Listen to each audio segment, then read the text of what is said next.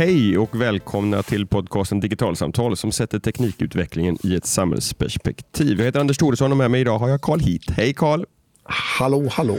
Idag ska vi prata om skola, vi ska prata om Internet of Things, vi ska prata om dataanalys och alltihop det här under paraplyt eh, IoT Hub Skola som är ett forskningsprojekt som precis har fått finansiering och som du i allra högsta grad är inblandad i. Ja, precis. Det får man ju ändå säga. Full transparens att det här kommer jag jobba med i flera år. Så, så um Eh, när vi pratar om det hos oss så ska man ju såklart eh, bära med sig det. Eh, det stämmer. Det är ett projekt eh, som är ett Vinnova-finansierat eh, Internet of Things-projekt inom utbildningssektorn. Och eh, vi på RISE gör det ihop med eh, flera olika skolhuvudmän. Eh, Kungsbacka, Lidingö, Västervik, NTI-gymnasierna, Skellefteå eh, och Eh, Eh, så gör vi det också ihop med Stockholms universitet och Microsoft. Så det är både företag och offentlig sektor eh, och forskning eh, och institut som är inblandade. Vad är, vad är syftet? Vad handlar det här om? Alltså, hela bakgrunden till det här projektet handlar om att eh, och det, vi har ju pratat om det du och jag i den här podden eh, många gånger, det är ju att eh, vi håller på att gå in i ett skede där eh, internet inte bara är någonting som är en relation mellan oss och en dator, utan att det finns eh, sensorer och system runt omkring oss som på olika sätt eh, samlar in information och tillhandahåller information eh, och hjälper oss att fatta beslut eller hålla ordning på processer och vad det nu kan vara för någonting. Och det här projektet det handlar väldigt mycket om att med hjälp av eh, mer data och högfrekvent data kunna förstå eh, bättre eh, hur vi bedriver utbildning och hur vi kan förbättra utbildning. Eh, och skolans system, eh, administrativa och andra system, eh, på ett bättre sätt helt enkelt. Och, och, och högfrekvent data, bara om jag får bryta in det, det handlar om att, att göra mätningar ofta för att eh, utifrån den, den data som samlas in dra slutsatser om eh, hur, hur saker och ting förhåller sig. Ja, men precis. Alltså, väldigt ofta om vi pratar om eh, utbildning eh, så är det ett exempel på eh, ett system som är väldigt eh, van vid att jobba med det man kan kalla för lågfrekvent datainsamling. Det vill säga att eh, en elev får betyg en gång om året. Det är det sättet som vi summativt kvantifierar saker och ting på. Eller man har nationella prov en gång om året. Eller att, oavsett vad vi gör så mäter vi saker med låg frekvens. Eh, men vi börjar gå in i en skola som eh, Eh, förstår saker och ting eh, och kan mäta saker och ting eh, i, med allt högre frekvens. Och I vissa ämnen så har det här blivit eh, tydligt till exempel genom adaptiva läromedel. Eh, så att matematikboken eh, som är digital, den förstår hela tiden elevens position och progression och kan anpassa sina um- uppgifter och sammanhang utifrån en sån kontext. Och Det vi är intresserade av i det här projektet det är att se på kan vi, om vi kan så att säga, förstå miljön och förutsättningarna runt undervisning i en utbildningsmiljö, eh, går det i så fall att skapa bättre förutsättningar för den undervisningen som bedrivs i den miljön. Varför det här intresset för, det här just i ett skolperspektiv? Vad är det som gör att skolan är intressant att, att ge sig in i och börja mäta på det här sättet? Ja, så till att börja med så är skolan eh, nästan hälften av offentlig sektor. Det är en jättestor arbetsmiljö och en, eh, en plats där människor spenderar en inte oväsentlig del av sitt liv. Eh, och eh, Trots att vi ägnar så mycket resurser och tid åt den här miljön så eh, finns det många aspekter av eh, miljön och vad som händer i den som vi faktiskt vet eh, ganska lite om. Och där lite kunskap, lite mer kunskap om de processerna eh, skulle kunna förbättra eh, förutsättningarna för vad vi gör i den här miljön. Så till exempel eh, så, så, om vi pratar om liksom det vanliga svenska klassrummet eh, så har vi generellt sett ganska lite förståelse för eh, vad det klassrummet i vardagen har för påverkan på eleverna i det klassrummet. Pratar du fysisk eh, miljö nu? Nu pratar jag fysisk miljö. Så, mm. så till exempel Eh, så vet vi, det behöver man liksom inte direkt forska på, att om du, om du står med en drillborr och borrar bredvid någon när de försöker skriva matteprov, så är sannolikheten att de gör sämre ifrån sig på det provet ganska hög. Eftersom de får en kognitiv belastning eh, på grund av den här drillborren. Då. Eh, och det här gäller också för andra typer av ljud och buller som då kanske inte är så eh, lätta att observera hela tiden. Det kan ju vara så här lågfrekventa fläktbrus som eh, irriterar och stör i bakgrunden till exempel. Eller att vissa klockslag så är det en väg utanför som får väldigt mycket trafik. Och om man då leker med tanken att vi skulle kunna mäta det där bullret som är lite lågfrekvent eh, och som man inte tar så mycket notis om, men som skulle kunna påverka. Eh, då skulle vi kunna planera eh, verksamhet utifrån det. Så till exempel om du skriver ett matteprov eh, och du vet om att i den här lokalen så är det ett litet eh, dåligt bullerljud mellan de här klockslagen på grund av vägen utanför. Då kanske man ska välja ett annat klassrum helt enkelt. Och då skulle det kunna vara så att systemet känner av att det är så och ger förslag på andra klassrum eh, direkt. Eller det kan handla om ljus och ljusnivåer och förutsättningar Eh, i ett klassrum. Eller det kan handla om eh, helt andra eh, saker som man skulle kunna tänka sig att, att mäta. Så tanken är liksom att, att eh, det kan vara så att det redan idag finns sensorer eh, i ett klassrum, fast vi använder dem för att kunna förstå själva byggnaden och byggnadens processer. Men det vi är intresserade av här det är att se på, kan vi också förbättra förutsättningarna för undervisning genom att ha mer eh, information om vad som händer i en process. Uh, hur, hur, väljer man vilka datapunkter, eller, eller snarare vilka, vilka delar av den fysiska miljön som, som är värd att, att mäta? Tittar man på annan forskning då för att se vad, vilka, vilka kända samband som finns mellan, mellan koncentrationsmöjligheter och, och, och ljudmiljö till exempel? och så vidare. Eller, eller hur, hur, hur hittar man rätt data att titta på? Ja, det är lite olika eh, sätt vi kan se det på. Alltså till att börja med så är det inte bara miljödata vi kommer titta på, utan vi kommer kunna titta på annan data också.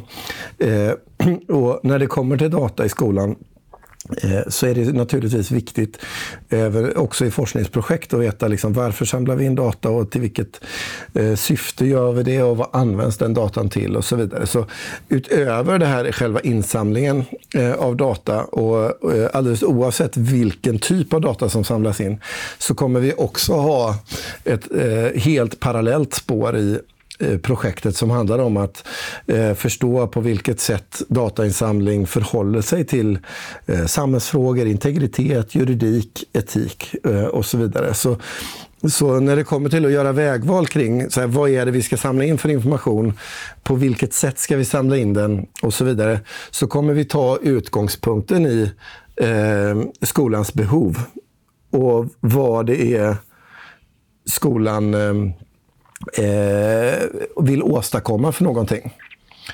Så, så, eh, helt enkelt. Så det övergripande målet här är att, att hitta mätpunkter som på olika sätt har påverkan på, på elevernas studieresultat? Ja, alltså det är ett av målen, men det är inte bara studieresultat vi är intresserade av. Vi är också intresserade av att titta på till exempel eh, hur eh, skulle vi kunna förstärka eller förbättra eh, administrativa processer för att underlätta för eh, lärares förutsättningar att bedriva sitt arbete? Eller kan vi eh, göra skolan mera eh, hållbar genom att till exempel på ett bättre sätt mäta matsvinn eh, med hjälp av sensorer. Det kan vara många olika aspekter som man skulle kunna tänka sig att vilja titta på i en utbildningsmiljö. Och projektet pågår i tre år och det är eh, användardrivet, vilket betyder att det kommer inte vara vi forskare primärt som är de som Eh, eh, väcker, eh, liksom, eller kommer fram till liksom, vad är det vi ska mäta. Utan mätningarna kommer att utgå ifrån de huvudmän som är med och vilka behov de har i sin verksamhet. Ja, Okej, okay. så det, det, är behovsdrivet och sen kommer ni som forskare då sätta ner och fundera på att om, om huvudmannen vill, vill uppnå X, vilka tänkbara eh, dataanalyser kan vi göra för att driva utvecklingen åt det hållet som huvudmannen vill? Ja, precis. Och hur kan man göra det eh, och samtidigt tillgodose behov som har att göra med etik, juridik eh, och så vidare. Eh, för det kan ju vara så att man vill uppnå ett mål med en viss sak men att kostnaden, priset som finns eh, av andra skäl, eh, inte ekonomiska utan kan vara sociala eller, eh, eller eh, etiska, gör att man inte vill göra det. Och den typen av eh, analyser kommer också finnas i projektet. Så det handlar om att titta på liksom, kan vi förstå och förbättra processer inom utbildningssektorn med eh, hjälp av sensorer, men på ett sätt som eh, Eh, som är så eh, säkert som möjligt eh, utifrån alla de här olika perspektiven. Då. Eh, ett, ett parallellt spår eh, som också finns i projektet det handlar om att vi i Sverige har en ganska fragmenterad utbildningsmiljö. Där varje enskild skolhuvudman eh, äger och, eller driftar sina egna olika typer av system.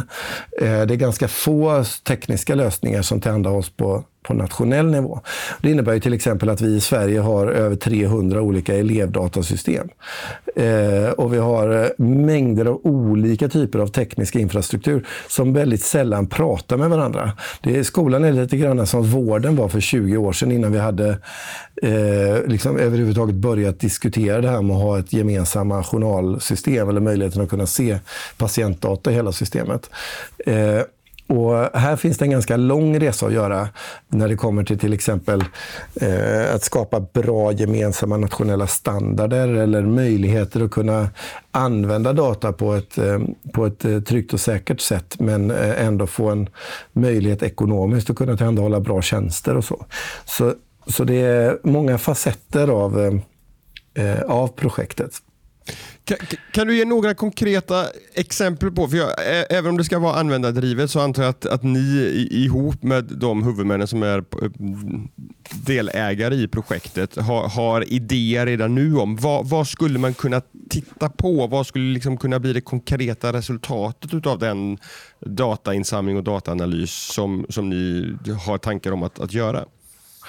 Ja, men absolut, alltså för att kunna liksom skriva en eh, projektansökan så är man, måste man ju ha några idéer, även om det kanske inte är de som sen kommer vara det som, som blir utvecklat. Men om man tittar på liksom var vi befinner oss här när projektet precis startar, så är vi intresserade av många olika saker. Vi är dels intresserade av eh, att kunna förstå eh, hur processer går till i ett klassrum som jag var inne på.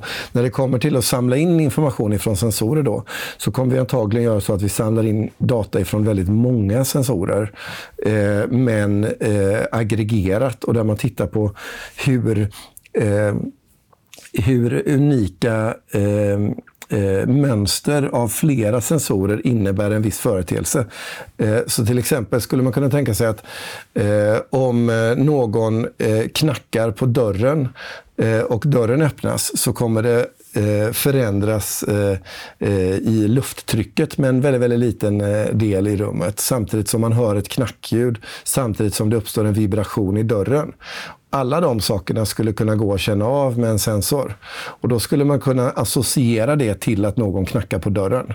Eller man skulle kunna associera och veta till exempel att nu har eh, någon eh, skrivit på whiteboarden eller nu har eh, någon tagit papper ur pappershållaren. Och den typen av information skulle kunna vara viktig till exempel för att veta när det är eh, dags att effektivisera eller automatisera processer som har att göra med att veta när det är dags att byta papper på elevtoaletten. Eller när eh, när eh, någon har skrivit så pass mycket på en whiteboard att, eh, och vad det nu kan vara för någonting. Det är väldigt svårt att veta exakt vad det är för någonting som varje sån här sensor eller sammanhang skulle kunna användas till förrän vi så att säga, har gått in i och, och tittat mer specifikt med eh, huvudmännen vad det är, vad det är som kan tänkas vara. Men några sådana där Eh, generella punkter det är till exempel schemaläggning och hur man effektivt utnyttjar lokaler. Om man är väldigt få personer i ett rum som är avsett för väldigt många till exempel, då kanske det finns en rimlighet i att, att använda lokalerna på ett annat sätt för att man helt enkelt kan veta ungefär hur många som normalt sett är i ett rum. Eh, men det skulle också kunna handla om saker som att Eh, förstå till exempel hur mycket folk pratar i olika rum i relation till olika innehåll eller var i klassrummet folk pratar mer eh, jämfört med andra. Det kan handla om liksom hur vi sitter pedagogiskt i ett klassrum, vilka, eh, hur, hur, vi är organiserade. Det skulle kunna handla om att förstå eh, om pojkar eh, får mer utrymme i klassen än vad flickor får baserat på att förstå pojkars och flickors röster till exempel. För att kunna anpassa och förändra förutsättningar förutsättningar för undervisning. Eh, och Det skulle kunna handla om eh, saker som eh, skrik eller eh, eh, höga ljud. Eller det skulle kunna handla om eh, eh, var folk är väldigt mycket eller inte i ett klassrum eller i en korridor eller så. Så det kan vara jättemånga olika saker. Eh, och just idag så, så så egentligen inte någon av de här liksom, hypoteserna vi har det som är intressant, utan det som är intressant är att eh, verkligen utgå ifrån var behoven eh, väldigt konkret kan vara i, i skolan. Nu har jag en massa idéer om vad det skulle kunna vara, men det betyder inte att det är viktigt eh, för elever i skolan eller för lärares eh, vardag, utan det är sånt som projektet handlar om att och förstå mer av. Du, du, säger att ni har fått finansiering för ett projekt som löper över, över tre år. Hur, hur långt är det realistiskt att tro att man, man hinner på tre år? Jag tror att vi på tre år eh, har kommit en bit på vägen när det kommer till att förstå eh, vilka typer av data är eh, meningsfulla att samla in i utbildningsmiljöer. Vi kommer ha fått en bra bild på tre år över vad det innebär Eh, att samla in data i utbildningsmiljöer. Idag så samlar vi ju redan, redan idag i nybyggda eh, kåkar samlar vi in information. Vi samlar ju in eh, och mäter buller och ljus och sånt där ofta med hjälp av sensorer. Men vi använder inte i pedagogiska syften och de eh, system som samlar in sån här information är inte självklart byggda på ett sådant sätt så att det är lätt tillgängligt att få till den där datan. Så vi kommer kunna liksom förstå hur så att säga, ekosystemet av data och information ser ut i skolan på ett bra sätt. Sen så tror jag att vi kommer ha ett antal demonstratorer eh, skapade under projektet där man kommer kunna se exempel på Eh, vad som är möjligt att göra och inte. Hade vi på tre år dessutom lyckats eh, eh, komma så pass långt att det finns eh, eh, enkelt tillgängliga eh, öppna hårda mjukvaror eller proprietära kommersiella produkter som skulle kunna underlätta eh, eller i, liksom in, göra det möjligt att stoppa in eh, nya tjänster som förbättrar förutsättningar. Eh, då vore ju det naturligtvis eh, riktigt, riktigt bra. Men i grunden så handlar det om att, så att säga, utreda de de här grundläggande förutsättningarna. Vi har hittills inte särskilt mycket erfarenheter av den här typen av eh, sensorer och mätning för utbildningsändamål i skolor. Nej. Och eh, Det finns mängder av eh, eh, utmaningar som förknippas med det här. Inte minst alla de som är eh, juridiska och sociala och Eh, och etiska som eh, behöver få ett stort utrymme i sammanhanget.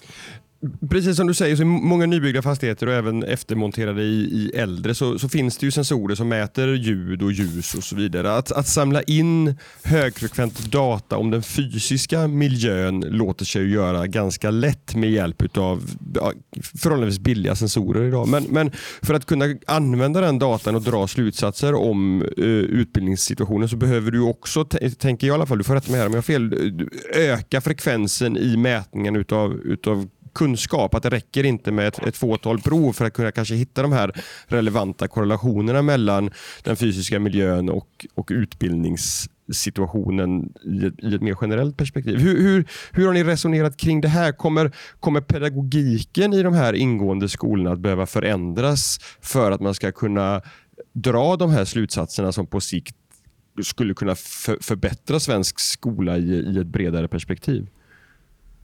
Svaret på den frågan är att vi inte vet. Men det är inte mer, alltså poängen är ju inte att anpassa pedagogiken efter ett forskningsprojekt.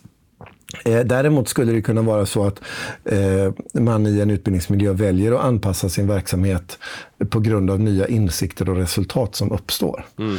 Eh, och, och där man ser att oj, det var värst, vi visste inte att det bullrar eh, jättemycket mellan de här klockslagen i det här rummet. Eh, då kanske vi ska ändra på hur vi använder det rummet eh, helt enkelt.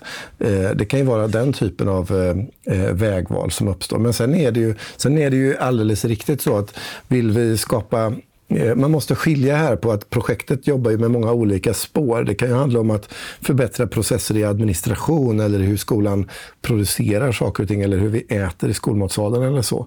Men det skulle ju också kunna vara så att vi använder den här typen av sensorer för att förstå eh, eller förändra och förbättra förutsättningen för själva undervisningen.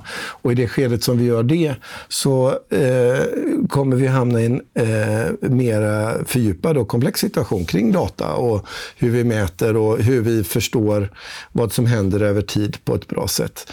Eh, och, och det är i den typen av data eh, och förståelse, liksom vad som händer med en elev som gör någonting i ett klassrum över tid som man också behöver vara ännu mer försiktig med hur man går tillväga eh, för att utveckla sådana tjänster.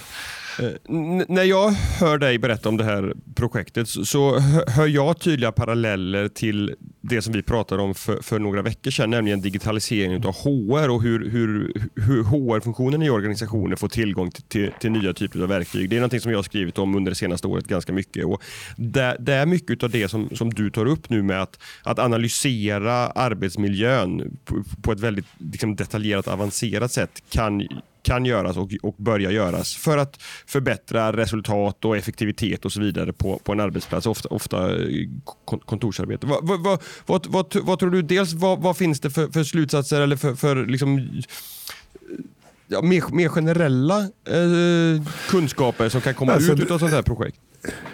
Alltså, inom kontorsmiljö och kontorskontexter så görs det ganska mycket sånt här redan. Ja. Eh, och Det görs det inom industri och andra sammanhang. I andra länder så jobbar man eh, med den här typen av förståelse för utbildningsprocesser också. Eh, som eh, lyssnaren vet så har jag nyligen varit i Kina och där jobbar de med eh, i allra högsta grad med den här typen av processer. Men där har de ju liksom inte riktigt samma integritetsutmaningar som vi har.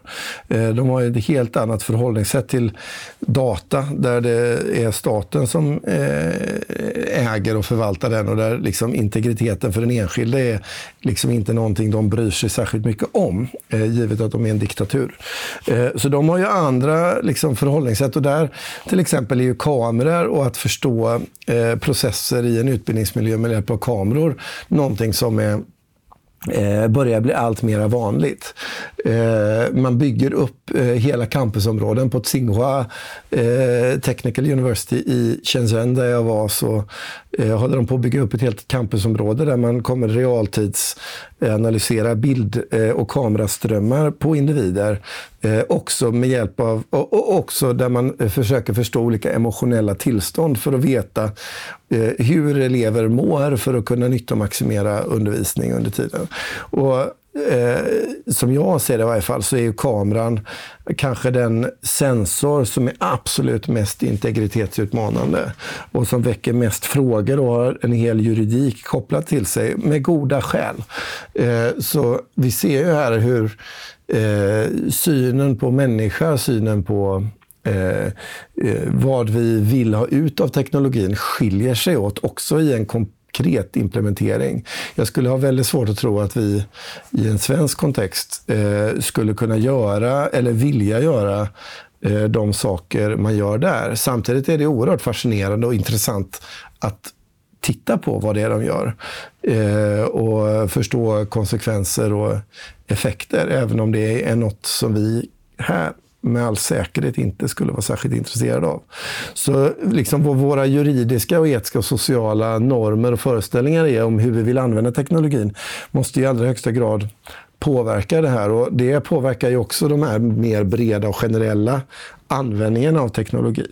Eh, och det handlar ju väldigt mycket om att liksom ställa frågor om liksom, hur, vill vi, eh, hur vill vi att teknik ska funka i människans tjänst?